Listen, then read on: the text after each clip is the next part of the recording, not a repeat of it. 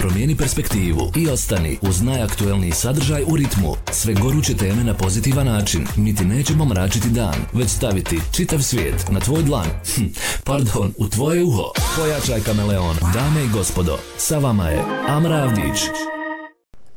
Dobar vam dan, vi gledate i slušate Internaut Show na Radio Kameleonu.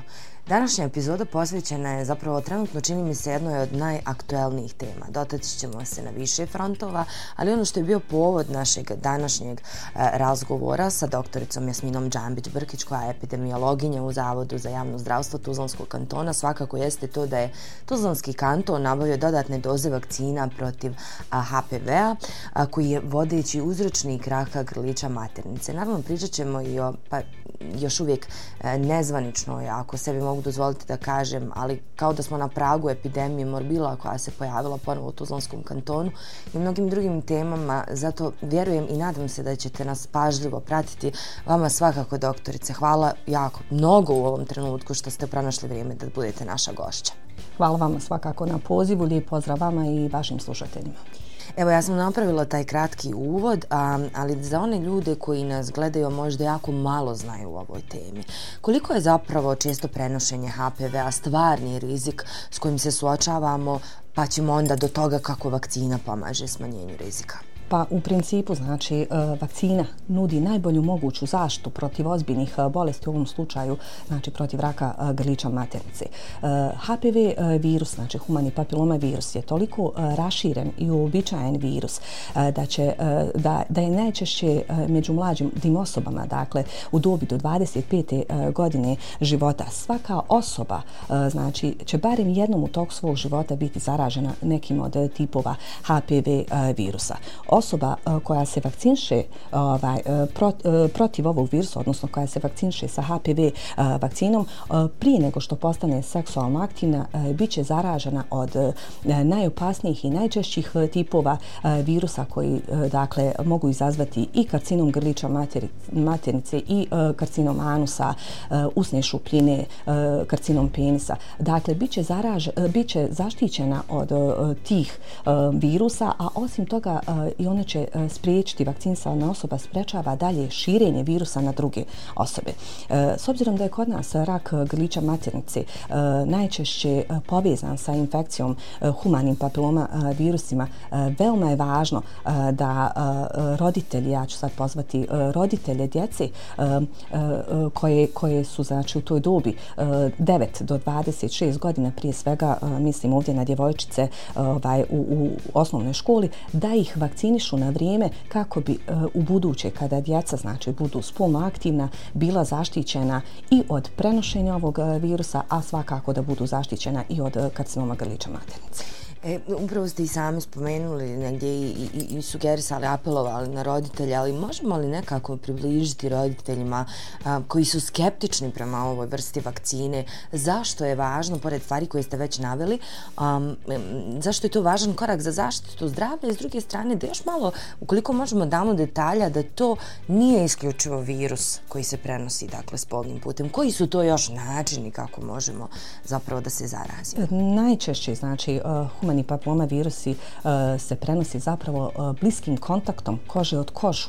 Uh, spolni uh, put jeste ovaj uh, najčešći način uh, zareze uh, i najčešći način prenošenja kod ovih uh, kod ovih uh, znači karcinoma grliča maternice odnosno humani papiloma virusa koji uzrokuju uh, te promjene uh, na anogentalnoj uh, regiji. Uh, vakcina je sigurna, vakcina je učinkovita. Uh, studije koje su rađene u zemljama koje već više od 15 godina Eh, u svojim programima obavezne vakcinacije imaju ovu vakcinu kao što su Australija, eh, Amerika, Velika Britanija, Njemačka. Eh, znači pokazale su da čak vakcina u 90% slučajeva je smanjila vrlo brzo nakon ovaj, što je krenula znači vakcinacija upotrebu, smanjila je broj osoba koji su inficirane sa humanim papiloma virusom i smanjila je pojavu polnih uh, bradavica jer je to isto tako ozbiljan problem naročito da se, e, što se virus širi među mlađom populacijom, to je jako ozbiljan problem kod mladih e, ljudi. Dakle, vakcine su sigurne, vakcine su učinkovite. E, znači, mi smo imali kroz naše informirane pristanke kada smo roditelje pozivali na vakcinaciju, imali smo roditelje koji kažu da djeca žive, zapravo da roditelji žive po nekim moralnim načelima i da tako odgajaju svoju djecu. Ja mogu komotno reći, znači, naravno da nam je bitan odgoj ovaj, i uh, vaspitanje djece i bitno je da svoju djecu educiramo, ali isto tako je bitno da ti roditelji ovaj, da, da, da nam, uh, da kažem, seks ne bude uh, tabu tema. Mi sa svojim djecom moramo pričati o tome i naravno da će jednog dana ovaj, i naša djeca odrasli ljudi biti i uh, moramo im pomoći i, i mi biti taj, um, da kažem, eh, razumna strana koja će ih uputiti i usmjeriti na pravi put. Ukoliko mi nismo dovoljno educirani. Eh, znači, ako ne znamo o tome, a vjerujte mi, eh, ja, ja ne želim pričati o nekim stvarima kojima se ne bavim, ali vakcinacija je nešto što je u našem domenu, u domenu pedijatara, također ljekari poročne medicine, infektolozi koji, koji upravo znaju na koji način i kakve kliničke slike kod oboljelih od zaraznih bolesti se javljaju i koji svakako znaju o tome koja je prednost vakcinacije, e, da roditelji zapravo dođu kod ljekara e, pedijatara, infektologa, epidemiologa da se posavjetuju prije nego što donesu konačnu odluku da svoje dijete neće vakcinisati. E, jer bolje je spriječiti nego liječiti. Karcinom grliča maternice uopšte nije bezazlena bolest. Ako vam kažem da u svijetu godišnje više od 250.000 žena umre od ovog karcinoma, u Evropi znači više od 66.000 ih oboli a više od 30.000 umre na području federacije u 2021. godini. E, imali smo 424 oboljele osobe od karcinoma grliča maternice, a da je 78 žena umrlo. To su jako, e, jako zastrašujući, zapravo zastrašujući su to podaci. Na području Tuzlanskog kantona mi evo u nazad nekoliko godina imamo u prosjeku 30 oboljelih od karcinoma grliča maternice, ali vjerujte, zemlje koje su uvele u program obaveznih vakcinacija ovu e, vakcinu E, znači e, imamo više od 100 zemalja u svijetu koje, koje, kojima je ova vakcina oba, u obaveznom programu. One su e, maltene na pragu toga da ovaj zapravo kažu da, da više nemaju karcinoma grliča maternice kao što je recimo Australija koja je i dječacima i djevojčicama ponudila vakcinaciju ovaj ovom vakcinu. Apsolutno, evo sjajno i hvala vam što ste to spomenuli. Ja negdje promišljam o tome da upravo možda i taj odgoj koji smo spomenuli u nekom trenutku bi morao podrazumijevati i to da budemo naučeni da štitimo sebe i da se brinimo za sebe i svoje zdravlje. Um, koliko je važno vakcinisati se, odnosno da li imamo učinak koliko se vakcinišemo HPV vakcinom, ukoliko već imamo zapravo HPV um, ili je osoba imala neku vrstu kancera povezano s tim? E, pa e, ovako, vakcina nije e, lijek. Znači, jasno, vakcina ne jasno. može izliječiti ovaj, već prisutnu infekciju, niti može neku prekanceroznu promjenu izliječiti.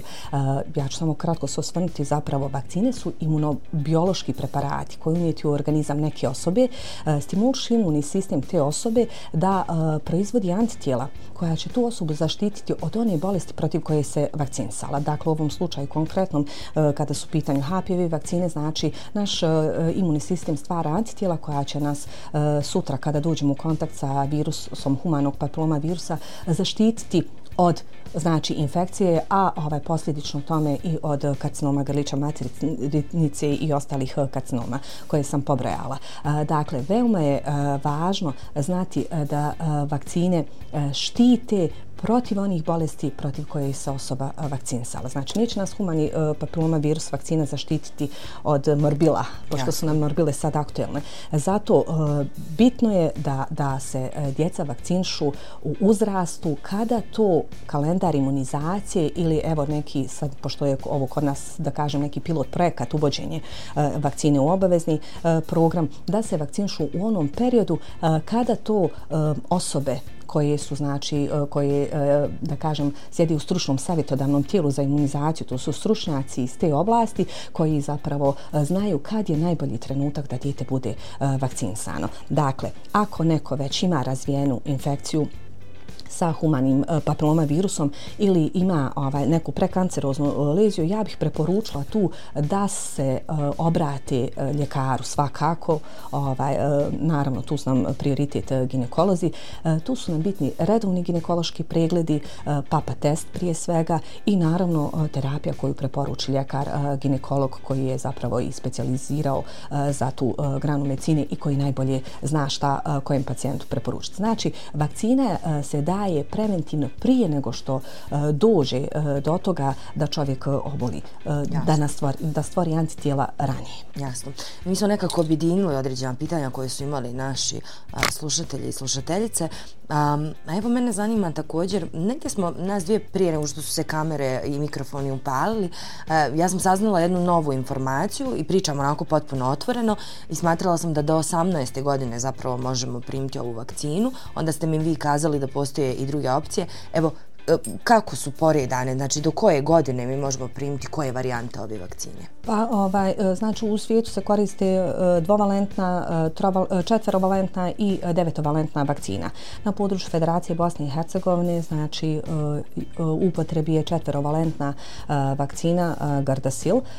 Dakle, svaka od ove pobrojane vakcine i dvovalentna i četverovalentna i devetovalentna štite protiv tipova HPV 16 i 18 E, to su e, e, tipovi HPV-a visokog rizika za razvoj karcinoma grlića e, maternice i veoma je važno znači znati da u svaka svako koje od ove tri vakcine imamo znači zašto od ta dva tipa HPV-a. Četvorovalentna vakcina koju mi u federaciji koristimo, ona zapravo sadrži još i tipove HPV-a 6 i 11. To su tipovi HPV-a niskog rizika koji zapravo štite od polnih razvoja polnih E, bradavica. E, devetovalentna vakcina e, ima više tipova ovaj, antigena zapravo za više tipova HPV-a, ali ona nažalost nije dostupna u Federaciji Bosne i Hercegovine.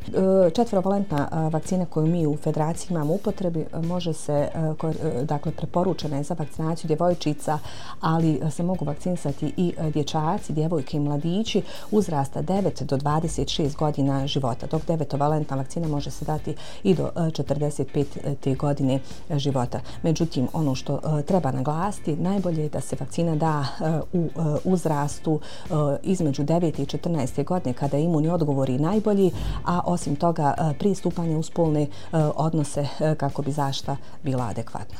Evo, hvala vam jako mnogo i na tome što smo istakli nekako se ova vakcina vezuje najviše uz zapravo žene, djevojčice, ali i dječaci, odnosno muškarci u ovom trenutku i tekako je važno da i oni primete u vakcinu. Kakva su e, iskustva ljudi koji su već primili, odnosno e, jeli, pacijenata, pacijentica koji su primili vakcinu? E, s obzirom da smo mi e, za područje Tuzlanskog kantona u protekloj godini, dakle u dva navrata dobijali vakcinu protiv humanog papiloma virusa, prvo smo imali pilot projekat prema kojim je znači e, odabrana e, Gračanca kao mjesto e, u kojem će pilot projekat vakcinacije protiv HPV-a započeti.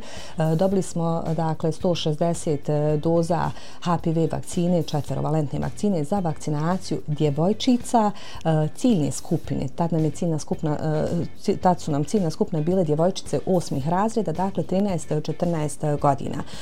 Pilot projektom je nabavljeno za područje cijele federacije 1000 doza vakcine za vakcinaciju 500 e, djevojčica. E, mi smo dakle dobili 160 doza. E, doktor Mubidin Mujić kao e, epidemiolog Doma zdravlja Gračanca ja obavili smo znači i razgovor putem roditeljskih sastanaka preko škola smo išli naravno ovaj, sa roditeljima. E, dali smo informirane pristanke za vakcinaciju djevojčica. Djevojčicama smo ponudili vakcinaciju u osmim razredima. E, od, o, o, odaziv je bio takav da smo evo 34 djevojčice iz te ciljne skupine, dakle 34 djevojčice osmih razreda vakcinisali prvom dozom eh, HPV eh, vakcine.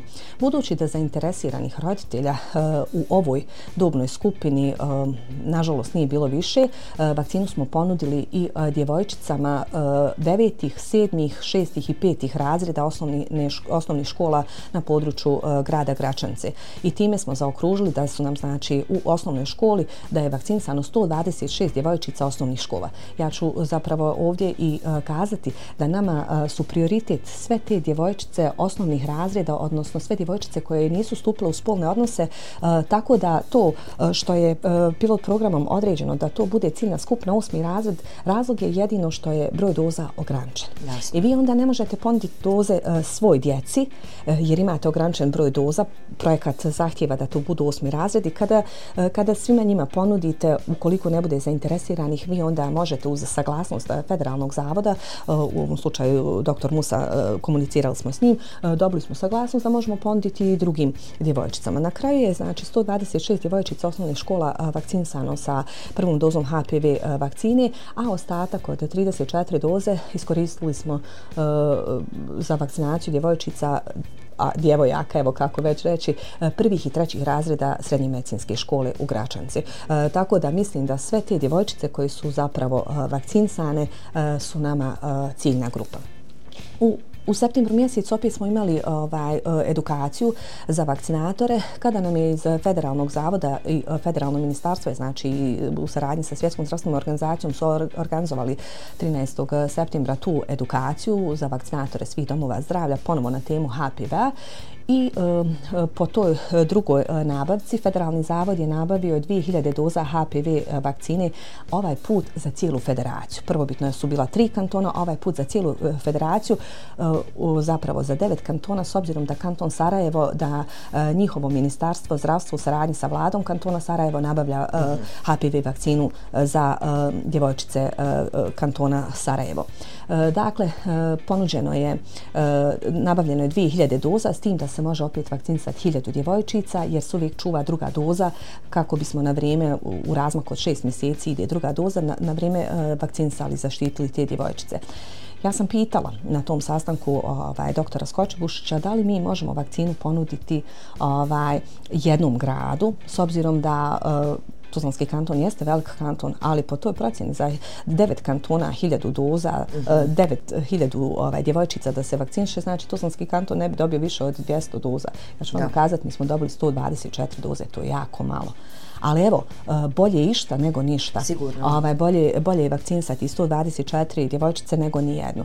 Ovaj, međutim, e, tad na sastanku je dogovoreno da ipak vakcinalni centri pozivaju, odnosno e, roditelje e, ciljne skupne opet osmih razreda, 13-14 godina i da svi zainteresirani e, se jave u vakcinalne centre, ostave kontakt podatke djeteta, svoj mobilni telefon, kako bi onog momenta kad vakcine stignu, one bile i ovaj pozvane i vakcinsane. Vjerujte, tako smo uradili, s obzirom da je ograničen broj doza, uglavnom većim domovima zdravlja smo dali po desetak doza, dom zdravlja Tuzla dvadesetak, uh, bilo je tu još Bana Jovanović 15, Živince e, 20 doza, jer su e, odradili, da kažem, e, posao odlično prije nego što su vakcine stigle, oni su pozvali djecu, imali smo već djecu koja su zainteresirana da se vakcinišu, tako da smo možda i veću količinu njima dali.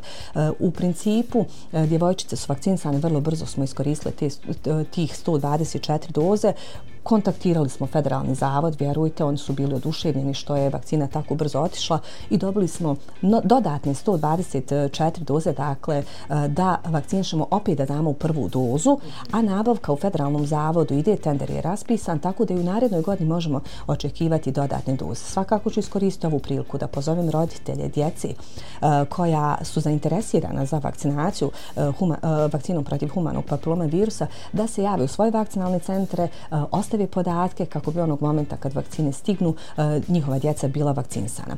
E, u toku vakcinacije, e, što se tiče ovih neželjenih reakcija što ste pitali, dakle, neželjene reakcije na svaku vakcinu, na svaki lijek se mogu javiti. Naravno, kada je u pitanju HPV vakcina, one su rijetke i blage.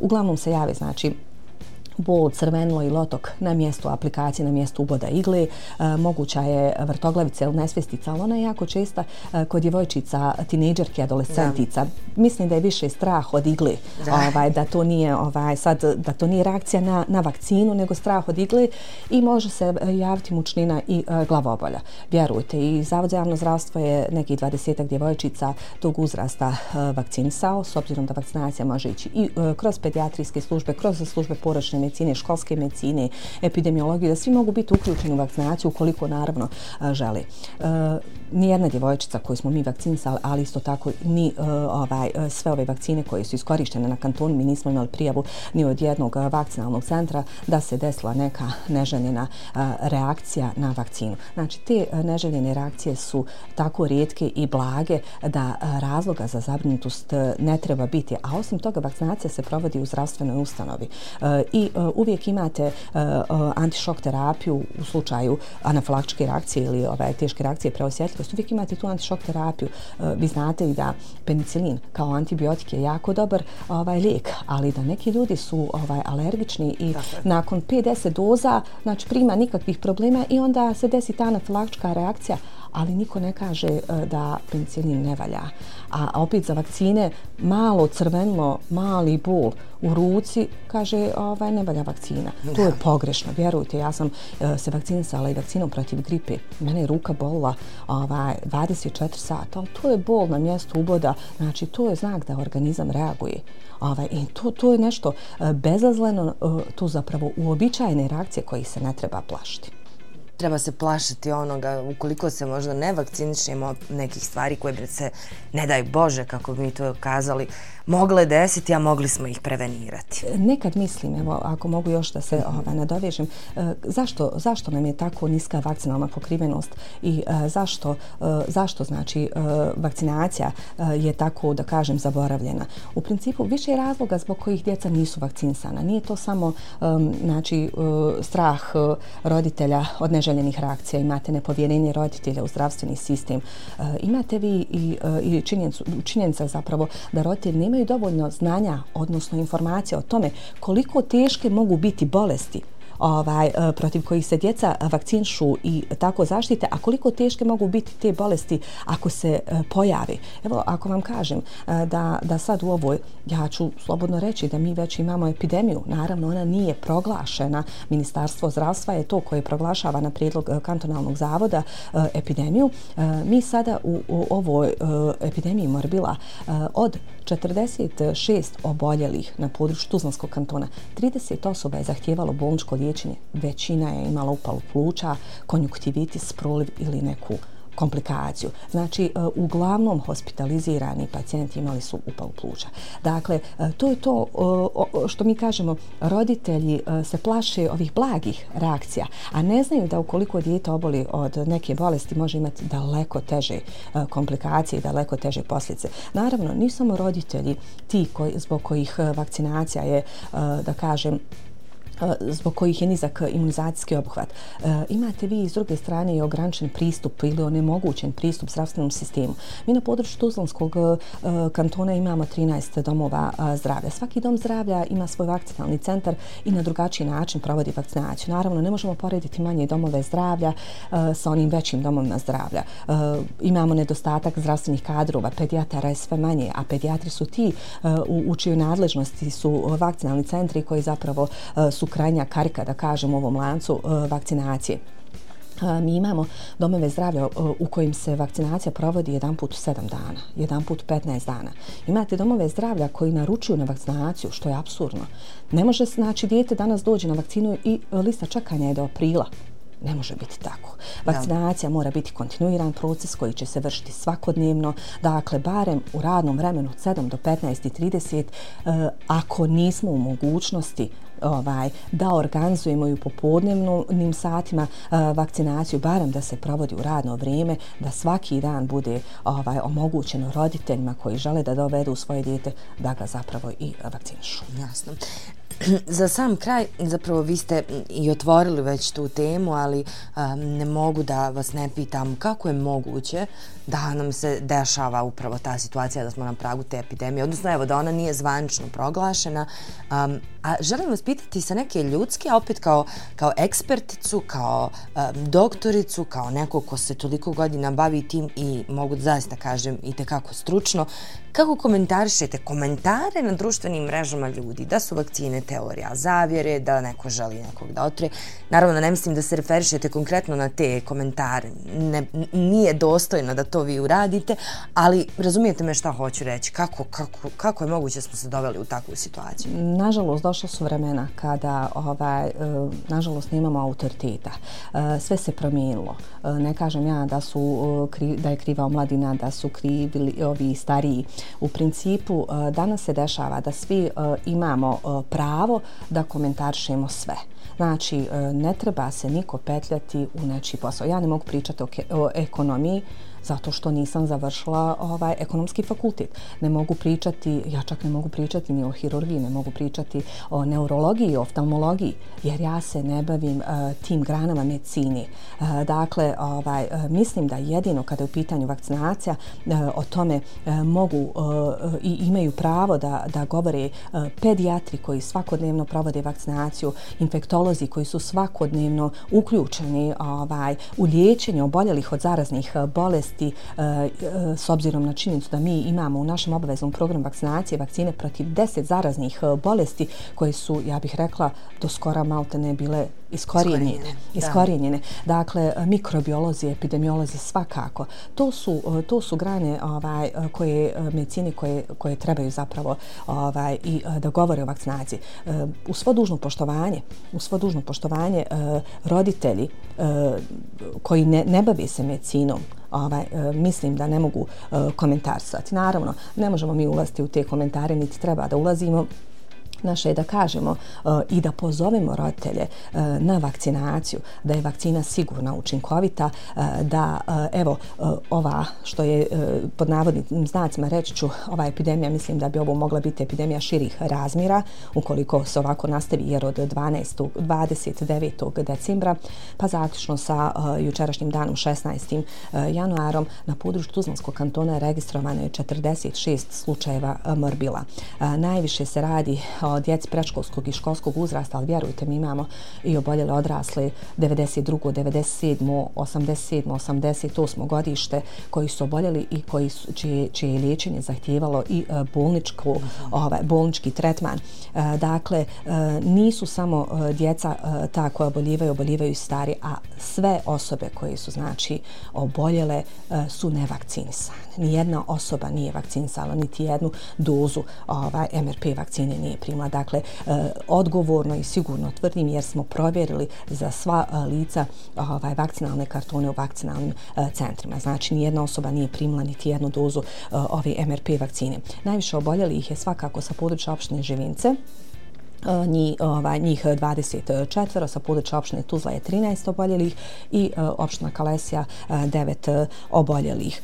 Uglavnom, najviše se radi kada su pitanju dubne skupne od djeci uzrasta 0 do 6 godina 32, 7 do 14 je njih 8 oboljelih, 15 do 24 godine troje i 25 do 49 godina života njih troje. Što se tiče spolnih karakteristika, dakle, više oboljelih muškaraca 24 uh, u odnosu na 22 e, oboljeli, oboljeli osobe ženskog e, spola. E, ono što želim još kazati, nama je procenat vakcinisanih na području Tuzlanskog kantona kada je u pitanju MRP vakcina za prethodnu godinu.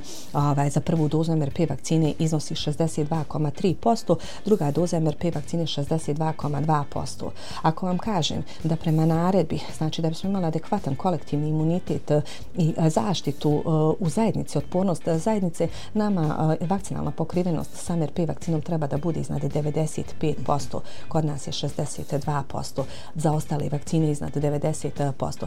Eto, eto nama razloga zašto nam se javljaju eh, epidemije i zašto nam oboljevaju eh, djeca. Znači, zbog nevakcinisanja, zbog toga što, nažalost, eh, svi znamo šta valja, šta ne valja, a u stvari ono što, što sam neki dan i, kazala, nekad se pitam da li roditelji mirno spavaju, da li im je savjest čista kada znaju da su oni primili vakcine u dječjoj dobi i zaštićeni, a da svoju djecu nisu vakcinisali i zaštitili i da im sad djeca oboljivaju. Jasno. Dakle, nama je vakcinalna pokrivenost e, za sve bolesti u padu. Evo kad pogledamo hipertus, znači veliki kašalj, mi smo u novembru mjesecu imali e, prvog e, oboljelog od velikog kašlja. Do sada je na području Tuzlanskog kantona registrovano 11 potvrđenih slučajeva oboljelih od velikog kašlja. Sve su, sve su, više, ne sve, ovaj, znači na području opštine Tuzla, Čelić, Gračanca, Kalesija, Kladan, Lukavac i dva suspektna slučaja sa područja opštine Srebrenik imamo još uvijek nisu potvrđeni. Znači, e, malte ne e, veći broj opština na području našeg kantona je zahvaćen i sa e, ovim oboljenjem, dakle, velikim kašljem. Isto razlog nevakcinacije jer je nama pokrivenost sa pentaksimom sa tri doze oko 68%. To je mali procenat. E, broj oboljelih od velikog kašlja mislim da je daleko e, veći u odnosu na ovih 11 potvrđenih slučajeva zato što sva e, djeca nisu, nisu znači, testirana i nije laboratorijski potvrđeno. Ali da ima oboljelih, da u pojedinim školama cijeli razredi su kašljali, a da dijete koje dolazi iz te škole, da je njegov brat obolio i bio hospitaliziran od velikog kašlja, svakako ovaj, ukazuju na to da je daleko više oboljelih. Hvala vam na E, ja ću reći zaista jednoj nesebičnosti da nam u detalje pojasnite neke stvari koje su možda negdje bile nepoznate onima koji će nas gledati i slušati. Svakako znam da nije jednostavno biti na vašem mjestu, a znati koliko zapravo učinka može imati jedna vakcina, vidjeti određeni otpor, ali evo ja se nadam da ćemo i ovim malim koracima makar na neki način doprinijeti tome i hvala vam svakako što ste bili moja gošća. Hvala i vama što ste me ovaj pozvali i naravno još ću jednom iskoristiti priliku da pozovem sve roditelje e, koji svoju djecu nisu e, vakcinisali e, na vrijeme da se svakako jave u vakcinalne centre, naročito sada kada imamo na pragu jednu epidemiju širih razmjera, epidemiju morbila, da odu u vakcinalne centre čak i ako je dijete bilo u kontaktu sa oboljelim ukoliko se vakciniše unutar 72 sata od kontakta može se zaštititi. Zato evo apelujem još jednom sve roditelje da vakcinišu svoju djecu i na taj način ih zaštiti. Opet jedna i tekako važna informacija. Hvala vam na tome. Hvala i vama što ste bili uz nas. Negdje bih samo dodala na kraju da možda zbog nekih strahova za koje čak i nismo sigurni da li, smo, da li su opravdani, hajde da ne dozvolimo da ugrozimo, pogotovo naše najmlađe, e, da ih vakcinišemo i da zajednički učestvujemo u tom nekom kolektivnom imunitetu koji sada upravo ova, pa je li još uvijek nezvanična epidemija potvrđuje da smo pod rizikom od istog. Ostanite uz Radio Kameleon i Internaut Show. Promijeni perspektivu i ostani uz najaktuelniji sadržaj u ritmu. Sve goruće teme na pozitivan način. Mi ti nećemo mračiti dan, već staviti čitav svijet na tvoj dlan. Hm, pardon, u tvoje uho. Pojačaj kameleon. Dame i gospodo, sa vama je Amra Avdić.